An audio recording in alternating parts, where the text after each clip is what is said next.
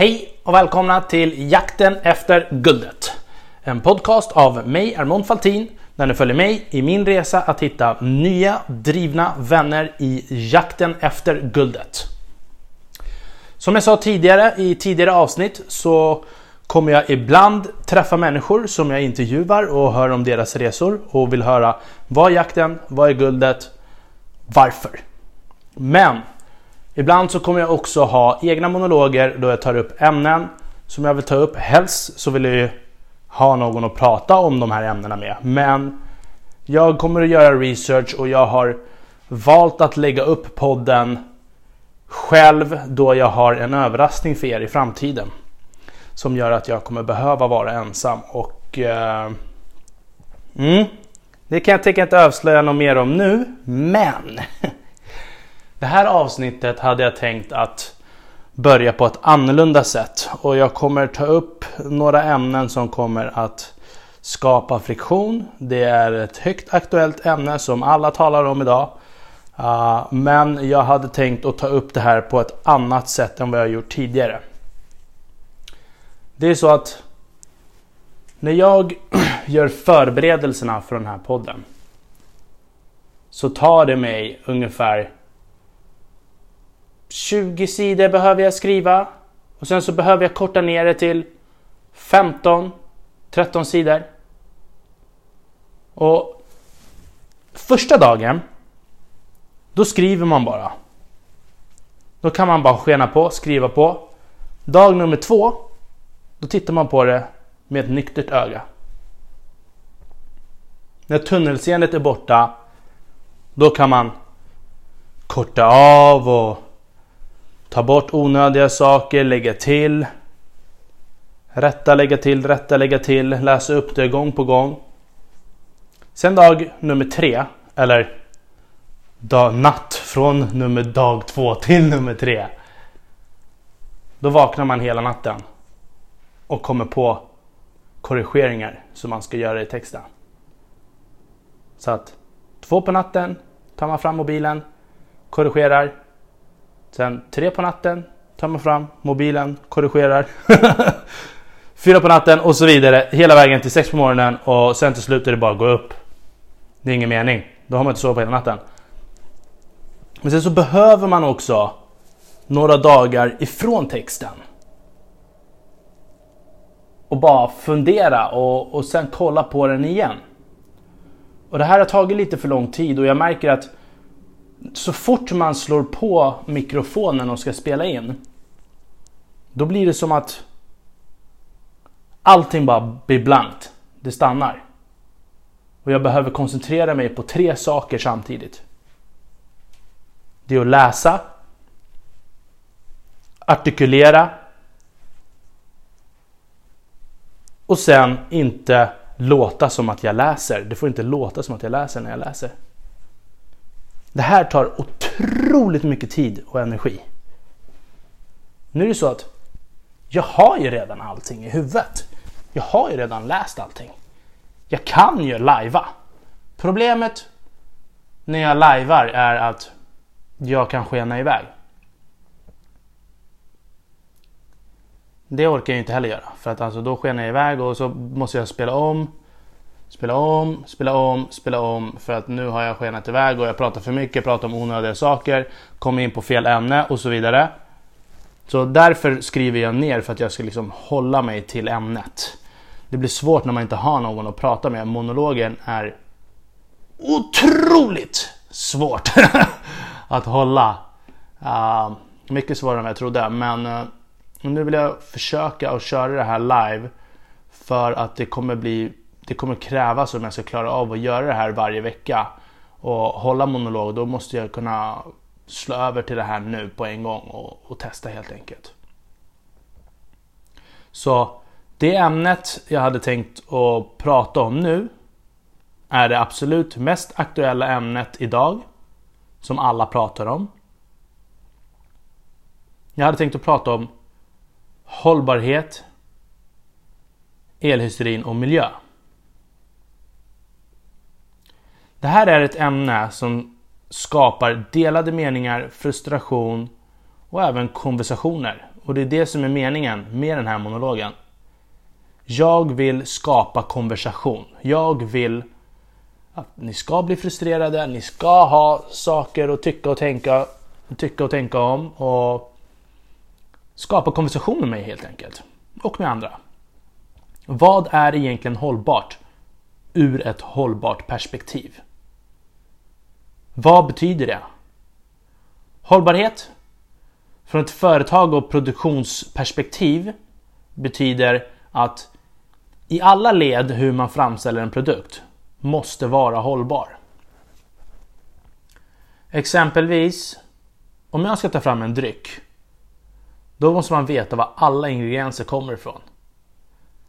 Från att det exempelvis inte ska vara en sällsynt blomma som bara växer på Himalaya. Att man inte får liksom slösa på jordens resurser. Eller göra någonting annat skadligt. Ska vi ta BCA-drycken som ett exempel.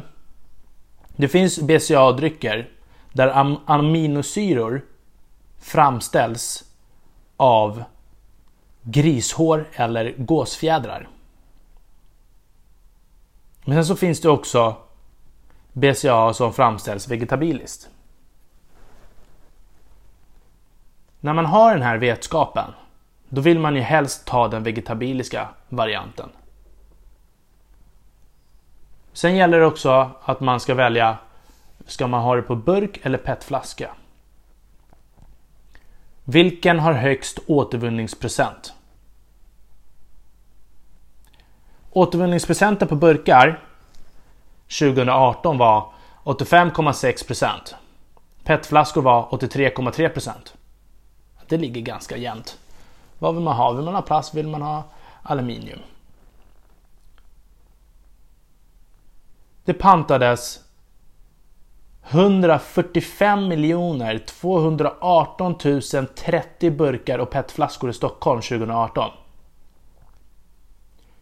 Det motsvarar ungefär 151 burkar och petflaskor per person.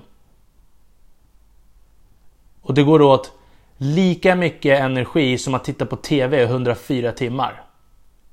Man sparar 95% av energin om man återvinner en aluminiumburk jämfört med tillverkning. Det är på den här nivån man måste gräva i varenda detalj i sin produkt för att veta om det är hållbart eller inte. Har det kommit fram ur barnarbete? Är ämnena sällsynta? Slösar vi på jordens resurser? Förstör vi ozonlagret? Min personliga favorit när man talar om nya innovationer som är hållbara. Då tycker jag om toalettpappret Hempur. Hempur är gjort på ett bambuträd som har en kapacitet att växa upp till 90 cm om dagen. Där har man en tydlig resurs som inte kommer utrota jordens resurser. En annan aspekt är fair trade. Och det handlar om att allt ska ha gått rätt till och rätta personer har fått rättvist betalt. Fair trade är någonting man kan se till exempel om du går ner till din eh, ICA-butik och ska handla kaffe. Kaffe eller bananer och exotiska produkter som kommer från fattiga länder. Som kan ha blivit utnyttjade och från, ja det kan vara allt ifrån eh, ligor som tar deras pengar eller tvingar dem att betala, betala liksom dyra avgifter för att de ska få tulla deras varor. Fair trade, det är när det liksom finns bevis på att här har allting gått rätt till. Sen så finns det också en annan viktig punkt och det är barnarbete. Idag är det vanligaste barnarbete som vi känner till Det finns i modeindustrin, alltså i kläder eller skotillverkning. Vi tänker på barn som sitter i stora fabriker i Kina, Bangladesh, Taiwan eller Indien. Där man får jobba i långa omänskliga förhållanden och få dåligt betalt. Men det finns också flera industrier där barnarbetet är väldigt vanligt. Och idag pågår en tävling där företag till företag skryter om hur deras bolag är mer hållbart ur ett miljöperspektiv än ett annat. Jag tänkte börja tala om miljöbilar. Kobolt är en huvudkomponent i dagens batterier. Och i miljöbilar så använder man ett batteri som kallas för litiumjonbatteri. Och det kan innehålla uppemot 50% kobolt. Att ersätta kobolt i dessa batterier med ett annat material är inte möjligt. Men däremot så finns det andra batterier utan kobolt men som har sämre kapacitet. Att exempelvis använda blybatterier i elbilar Det är tekniskt sett möjligt men batterierna skulle bli så pass stora att bilen inte skulle bli praktiskt att använda. Man gör forskning idag på att göra batterierna mindre beroende av kobolt men vi är inte där än. Och enligt EU finns det 0% återvunnet kobolt tillgängligt för tillverkare. Det kommer istället från gruvproduktion i Kongo som står för 64% av världsproduktionen. Efter Kongo kommer ett flertal andra länder som har betydligt lägre andelar av marknaden. Bland annat Kina, Kanada, Australien och Zambia. De har mellan 4 och 5 av världsproduktionen vardera. Totalt produceras kobolt i 19 länder. Varav två stycken inom EU. Finland med 1% av världsproduktionen och Nya Kaledonien med 2%.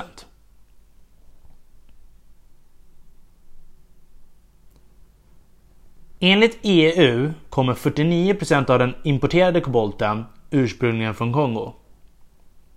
Kinesiska företag äger de flesta koboltgruvorna i Kongo och råvaran från Kongo anrikas i Kina. Sverige är rikt på mineral och vi har kobolt som har hittats på flera platser, bland annat i Kleva gruva i Jönköping, Venafältet i Bergslagen, Kiskamavara i Kiruna och kring Lainejur i Skelleftefältet. De kända mineraltillgångarna ligger på omkring 19 000 ton. Ytterligare potential finns, men stora delar av Sveriges berggrund har vi ännu inte undersökt med avseende kobolt och andra, andra innovationskritiska metaller. Men gruvbrytningen i Kongo sker bland annat på många olika småskaliga brytningar där man gräver fram grottorna och tar fram kobolten för hand. Det är också främst barn som får gå ner och bryta den här kobolten.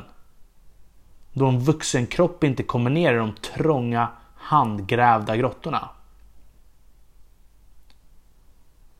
Amnesty International har observerat brott mot mänskliga rättigheter och barnarbete vid gruvbrytning i Kongo. Flera EU-projekt är på gång för att minska importberoendet av kobolt. Bland annat genom forskning och batteriteknik.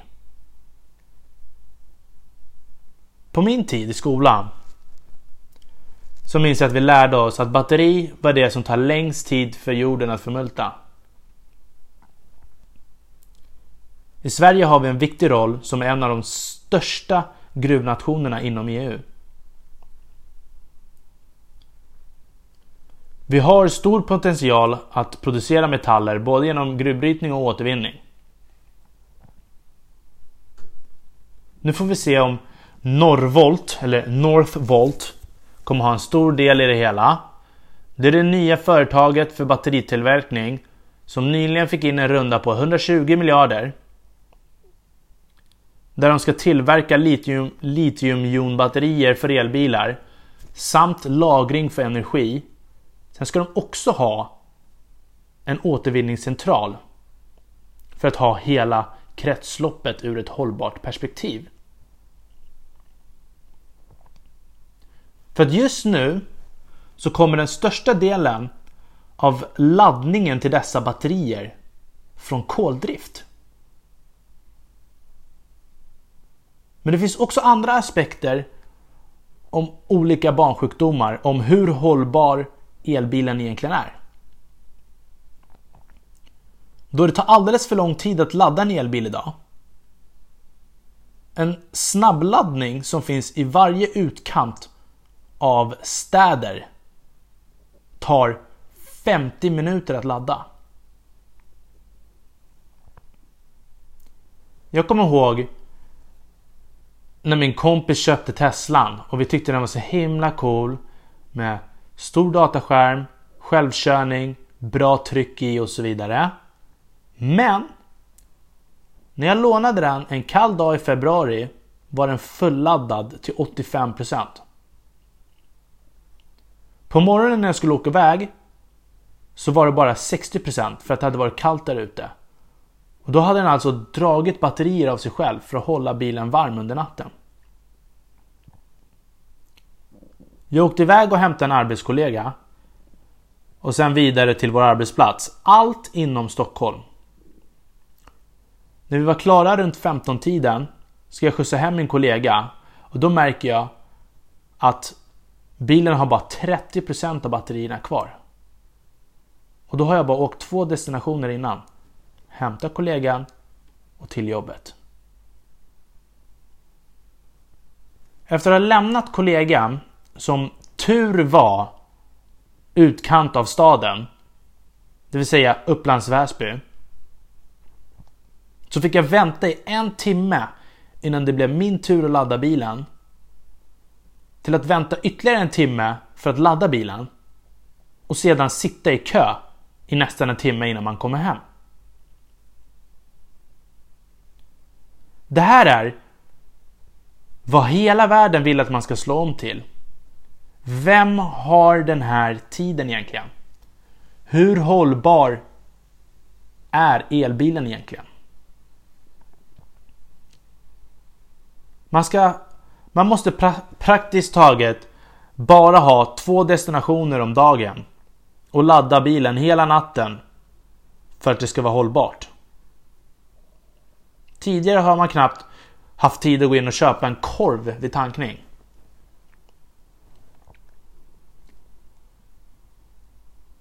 De säger att hydrogena bilar ska vara bättre för långa sträckor och elbilen för korta sträckor. Asiens största investerare som eh, investerar i elbilsmarknaden har gått ut i en rapport där han hävdar att elbilshysterin har mixat en viktig satsning. Så han planerar att bygga ut tusen fler hybridladdstationer till 2020. Då hållbarhetstiden på elbilen fortfarande är kortare än en vanlig bil. När en vanlig bil går sönder, då kan man laga den och vara ute på vägarna igen. Du kan öppna bilen, du kan sätta dig i bilen, du kan flytta bilen. Men hur mycket mer av en elbil går att återvinna när elbilsbatteriet har blivit bränt av till exempel överlast eller överladdning? Går, går det att återvinna mer än bara skalet Hur hållbart är det? Vad sker när 2000 elbilar får sina batterier brända på ungefär en och samma gång? Har vi verkstadskapacitet? Har vi återvinning av batterier tillgängligt idag?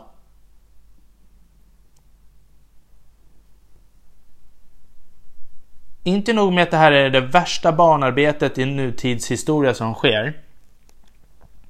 Är det här den enda snabblösningen på klimatkrisen undrar vi. Sen vill jag komma in på elsparkcyklar. Som också har blivit poppis nu. Som också lider av samma problem. Hållbarhetstiden på en elsparkcykel av de som de hyr ut idag ligger på ungefär 40 dagar. Men enligt svenska affärsmedier ligger den på bara 28 dagar. Men man talar om att man återvinner man återvinner eh, delar av cykeln så det spelar ingen roll om den går sönder. Men vad spelar det för roll om den viktigaste delen, batteriet, inte går att återvinna? Då det är ju batteriet som har gått sönder och inget annat på cykeln när den har gått sönder. Och batteriet kan ha gått sönder från överlastning. Det räcker med att du skjutsar en vän och, och ni väger lite för mycket och då är batterierna brända. Men även om inte en enda elsparkcykel har tjänat tillbaka sina pengar igen hittills så har man tjänat in på miljöpoäng på annat. Som exempel minskandet av taxiresor. Där ungefär 30% av bolagens egna undersökningar har valt att ta en elsparkcykel istället för en taxiresa eller bussresa. Och bor man i Stockholm så kan man förstå det. För man ser ju hur folk hellre väljer att ta en elsparkcykel och åka från Holme till Holme. Vi säger från Kungsholmen till Söder.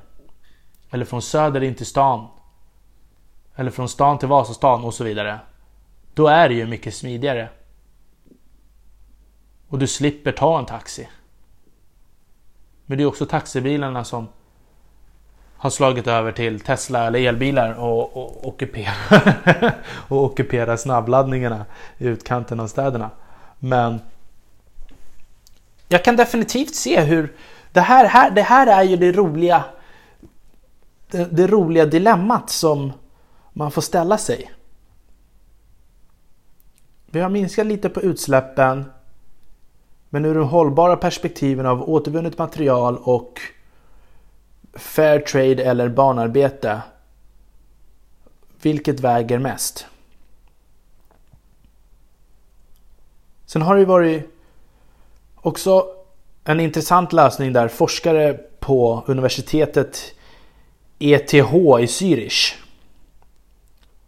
har tagit fram att den största och billigaste lösningen för att tackla klimatkrisen är att plantera miljard, ett miljardantal träd världen över.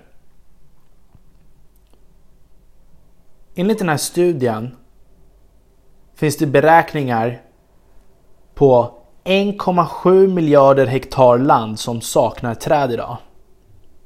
Där skulle man kunna plantera 1,2 biljarder träd som kan gro naturligt. Vilket motsvarar en yta som USA och Kina.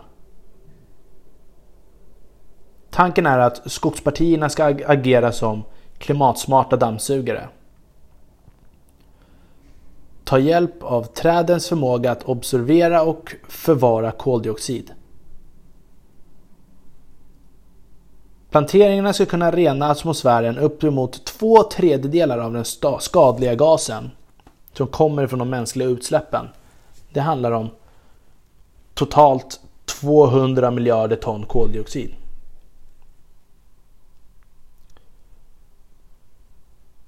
Den nya kvantitativa utvärderingen visar också att trädplanteringen inte bara är en av dem en lösning utan det är också den bättre lösningen. Den absolut bästa lösningen.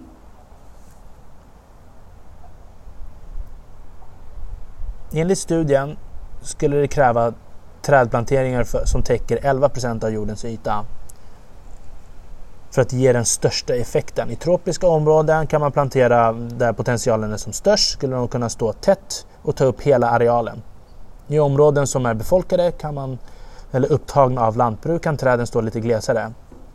Satsningen skulle ta ungefär 50-100 år att genomföra samtidigt som det menas att lösningen är den bästa för klimatet och någonting som man redan kan ta tag i nu.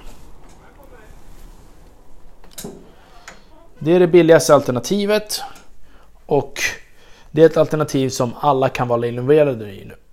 Redan nu så finns det ju redan det finns ju redan alternativ. Eh, det finns ju vissa länder som redan har var är Filippinerna? Där alla elever måste plantera mitt, eh, minst ett tre, träd innan man går ut skolan. Jag tror det kan ha varit Filippinerna eller så var det Indonesien. Ja, ah, hur som haver. Det finns massa olika alternativ på hållbarhet och vad tycker vi är bra? Varför tar man upp vissa frågor men inte andra? Varför hetsar vi mot el? Är det den enda lösningen? Och så vill jag också ta upp flygskammen. Behöver man ha flygskam om du bara flyger en gång om året eller en gång var femte år? Behöver Greta Thunberg ha flygskam? Herregud.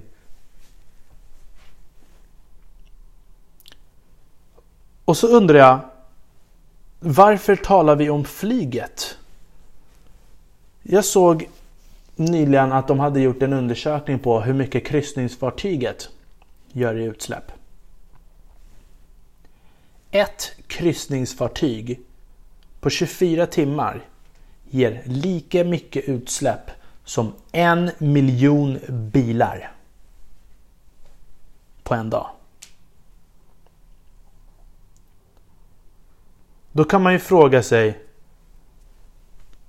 varför vi talar om flygskammen.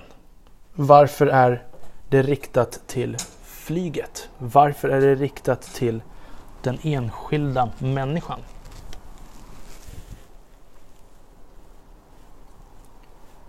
Nu är det ju så att det finns väldigt mycket att tjäna på i kryssningsfartyg. Allting lastas ju på kryssningsfartyg. Sen så finns det även de som är kryssningsresenärer. Det, det, är ju liksom, det, det, är ju de stora riktiga ekonomierna. Sen kan man ju tycka att flygskammen, det, jag förstår ju, det finns affärsmän som, eh, och influencers som har allt ifrån 50, 50 flygdagar i i, om året till 200 flygdagar om året. Många är nödvändiga, vissa är väldigt onö o inte nödvändiga. Och där kan man ju tala om flygskam.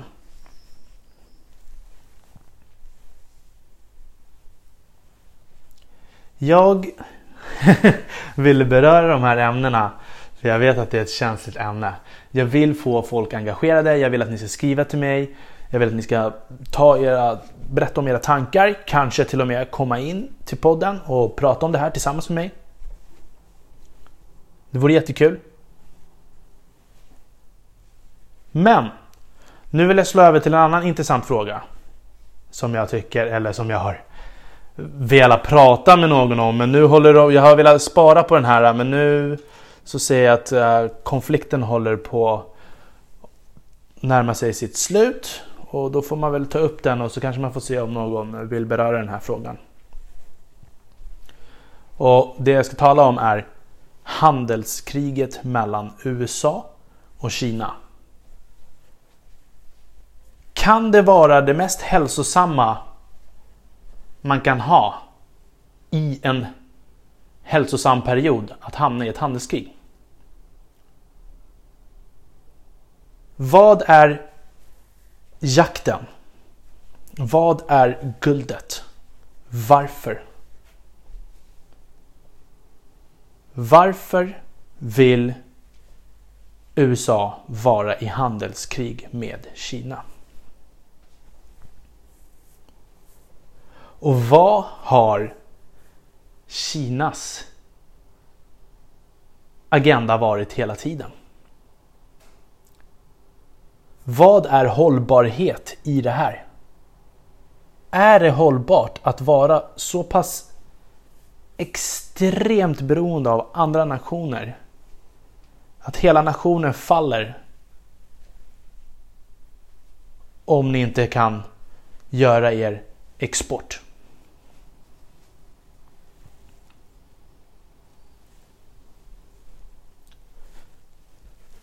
Det har varit... I Kina har det varit olagligt med Google, Facebook, Instagram och så vidare. Och till och med iPhones har varit olagligt. För att kineserna vill att kineser ska använda kinesiskt. För att bygga ett hållbart land. Ett starkt land. Det är så här de har blivit en av stormakterna också. Och USA har velat stoppa kinesernas billiga saker för, och också göra USA mer hållbart. Mer självförsörjande. Inte så totalt beroende av andras import. När är det som bäst att göra den här kriget, handelskriget? Det är ju inget riktigt krig. Vad är problemet? Det är de mest... det är de största stormakterna i världen. Mycket pengar i plånboken. Det finns ingen mer hälsosam period att ha det här handelskriget än nu. När det går bra. För vad händer om det skulle bli krig?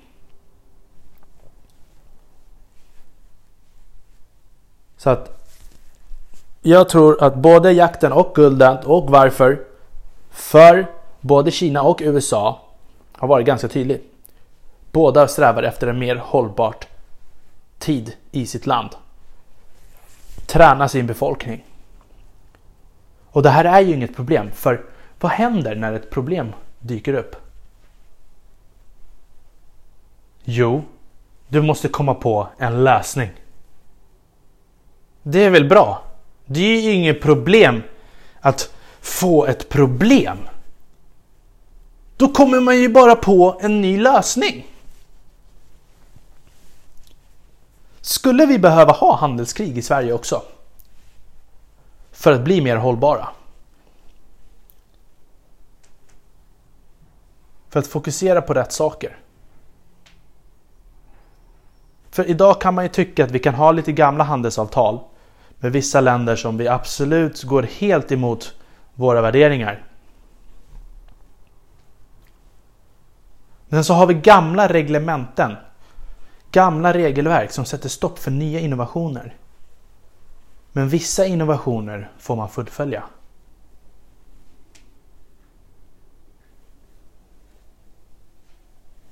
Jag tyckte också det här roliga med handelskriget att jag ville ju helst att det skulle pågått en mycket längre tid. Men så fort Kina hotade att strypa kobolten till USA då var de tvungna att sätta ner foten och, och sakta, ner, sakta i backarna lite grann här nu. mm. Nu vill de avsluta det hela.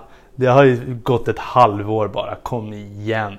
Va? Precis när nya vägar, nya broar för bara för att det är ett handelskrig betyder inte att saker och ting kommer sluta att forsa mellan gränserna. Nej, de blir bara tvungna att hitta nya vägar. Andra mellanhänder, andra länder som kan tjäna pengar på det här. Maktbalansen fördelar sig lite bättre. Den kommer inte att ändras. Det kommer den aldrig att göra ändå. Men den fördelar sig lite bättre. Och nu när vi ligger i digitaliseringen som vi är, som är, så behöver den fördela sig bättre. Och handelskrig är det bästa sättet. För det, det är liksom ett schysst krig, ett schysst bråk för att komma fram till en ny modernare lösning. Nu är det så att Kina har ju facial recognition. Total övervakning i allt i landet. För att sätta stopp för den parallella ekonomin. Vad händer när de kan arrestera varenda person? Sätta stopp för varenda illegal restaurang. Nu, man, nu, nu vill jag berätta lite om parallella ekonomier som absolut inte bara behöver handla om kriminalitet eller, eller någonting sådant. Men Kina är ett land på 1,4 miljarder invånare. Vilken ekonomi tror ni har hållit Kina vid liv? Det kan ha varit den som odlar ris ute på landet.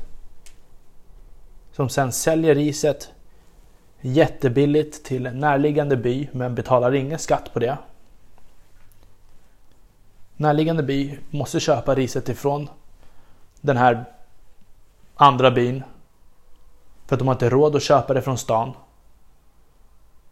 Men köper de det härifrån då har de råd och de kan de har en bussförare som kan köra alla invånare i den här byn till sina arbetsplatser eller skola och så vidare. Skulle de inte ha haft tillgång till det här riset exempelvis. Då kanske de inte skulle ha tillgång till sina liv. Att leva. Att busschauffören inte skulle kunna skjutsa barnen till skolan. Att barnen i skolan inte skulle kunna arbeta för att förändra sina liv.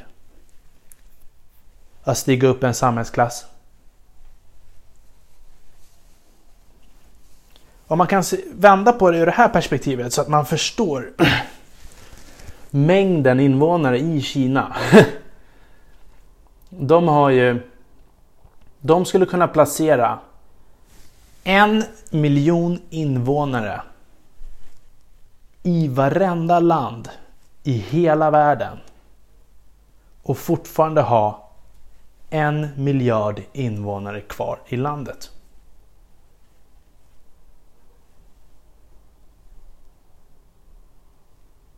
Även om Kina är en stormakt och man talar om att de kommer ta över och leda över USA eh, rent ekonomiskt så har de ju fortfarande räknas de fortfarande som ett uland. Och det är ju just för att det är så många invånare. Nu kommer den här facial recognition och totalitära regimen kommer försöka sätta stopp för allt det här. Det här, det här blir intressant att se för att det är ändå HQ Bank är ju en historia som har skett. HQ Bank var en bank i Hongkong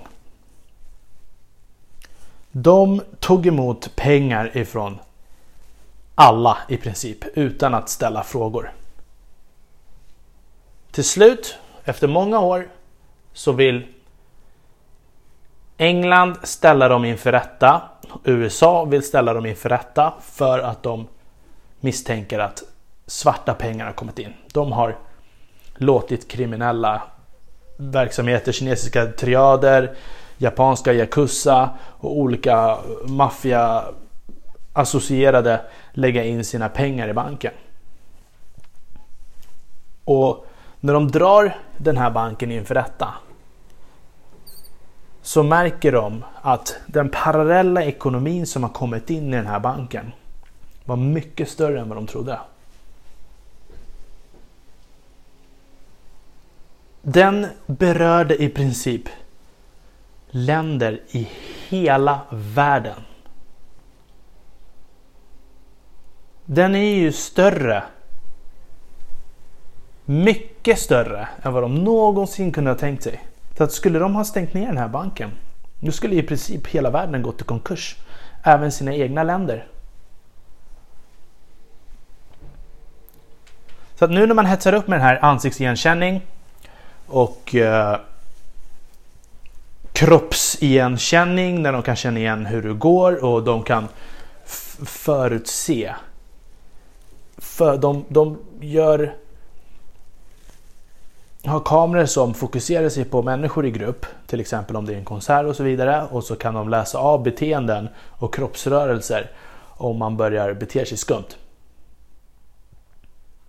Och så ska de gå in och förhindra att det inte blir någonting. Vad händer när man liksom har den här totaliära kontrollen och de stäcker ner den här ekonomin alldeles för snabbt? I USA när de skulle fria slavarna så startade man eller så gjorde man en ny regel som hette The 13 Amendment. The 13 Amendment bestod av när de väl friat alla slavar då skulle hela landet gå i konkurs. För att de blir av med all free labor. Och för att inte förlora helt och hållet, då kom de på en ny lag som gjorde att nej, vi kan inte fria alla helt och hållet. Bara sådär. Vissa kan ju faktiskt vara kriminella. Så att nu gör vi en lag som gör att man ska dubbelkolla de här personerna, hålla ett öga på alla mörkhyade. Och minsta lilla fel de gör, då ska de åka in i fängelset för att fortsätta med sin labor. Så då har man gjort ett bonussystem hos både polis, åklagare och domare. Där alla tjänar på att låsa in så många som möjligt på så lång tid som möjligt. För då blir det labor for your country. Det är också därav de långa fängelsestraffen i USA finns. En vanlig plea deal ligger på sju år. Om du kommer in på häktet i USA, då måste du betala för din egen häktestid. Och då gjorde de så att eftersom familjerna inte har råd att betala för den intagne, då går de oftast med på en plea deal. Då får de en plea deal och då sitter de i fängelset och då är de straffade och då blir de ännu mer kollade efteråt. Och då är det liksom möbelföretag, klädesföretag som har sponsrat och byggt upp de här fängelserna. Som har sponsrat staten att bygga de här fängelserna för att de sen ska kunna gynnas av fångarna som är inne i fängelserna. Då de bygger saker. Det har varit telefonbolag, möbelföretag, klädesföretag, Victoria's Secret fick ju sina saker därifrån. Nu var ju inte de en av grundarna men ja, bara för att hårdra var parallella ekonomier kan komma ifrån och ibland hur viktigt det är för ett land. Det finns jättemycket intressanta saker som jag skulle vilja tala om. Uh, som jag hoppas att någon kommer vilja komma in i den här podden och vilja beröra. Och hela kardemumman med det här samtalet är hållbarhet. Hur hållbar är ansiktsigenkänningen? Hur hållbar är elbilshysterin? Hur hållbar är handelskriget? Handelskriget är nog det enda som är hållbart och eh, det tycker jag definitivt att vi borde ha i Sverige också. För att komma på nya lösningar och skapa nya vägar. Det är viktigt nu när vi ligger i digitaliseringen då det kommer att ske en stor förändring vare sig vi vill eller inte. Och det enda sättet egentligen att tackla den förändringen det är att handla ett handelskrig. Där vi får ett nytt problem som vi bara måste lösa. Tvinga fram nya regelverk för att överleva. När det ändå inte är ett krig. Det kanske blir krig sen. När vi ska försvara våra invånare för att de har streamat film. Och nu så kräver eh, USA några miljoner i betalning och annars så kommer de att låsa in dem i fängelse.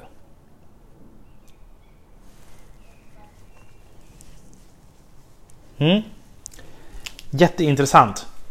Nu får vi se hur det har gått och när jag har fått ha hela den här konversationen utan att läsa innanför ett papper. Det blir ju lätt att jag skenar iväg och eh, hoppar från grej till grej och så vidare. Men jag vill lära mig att ha det här för att så fort man sätter på mikrofonen då blir det bara pop!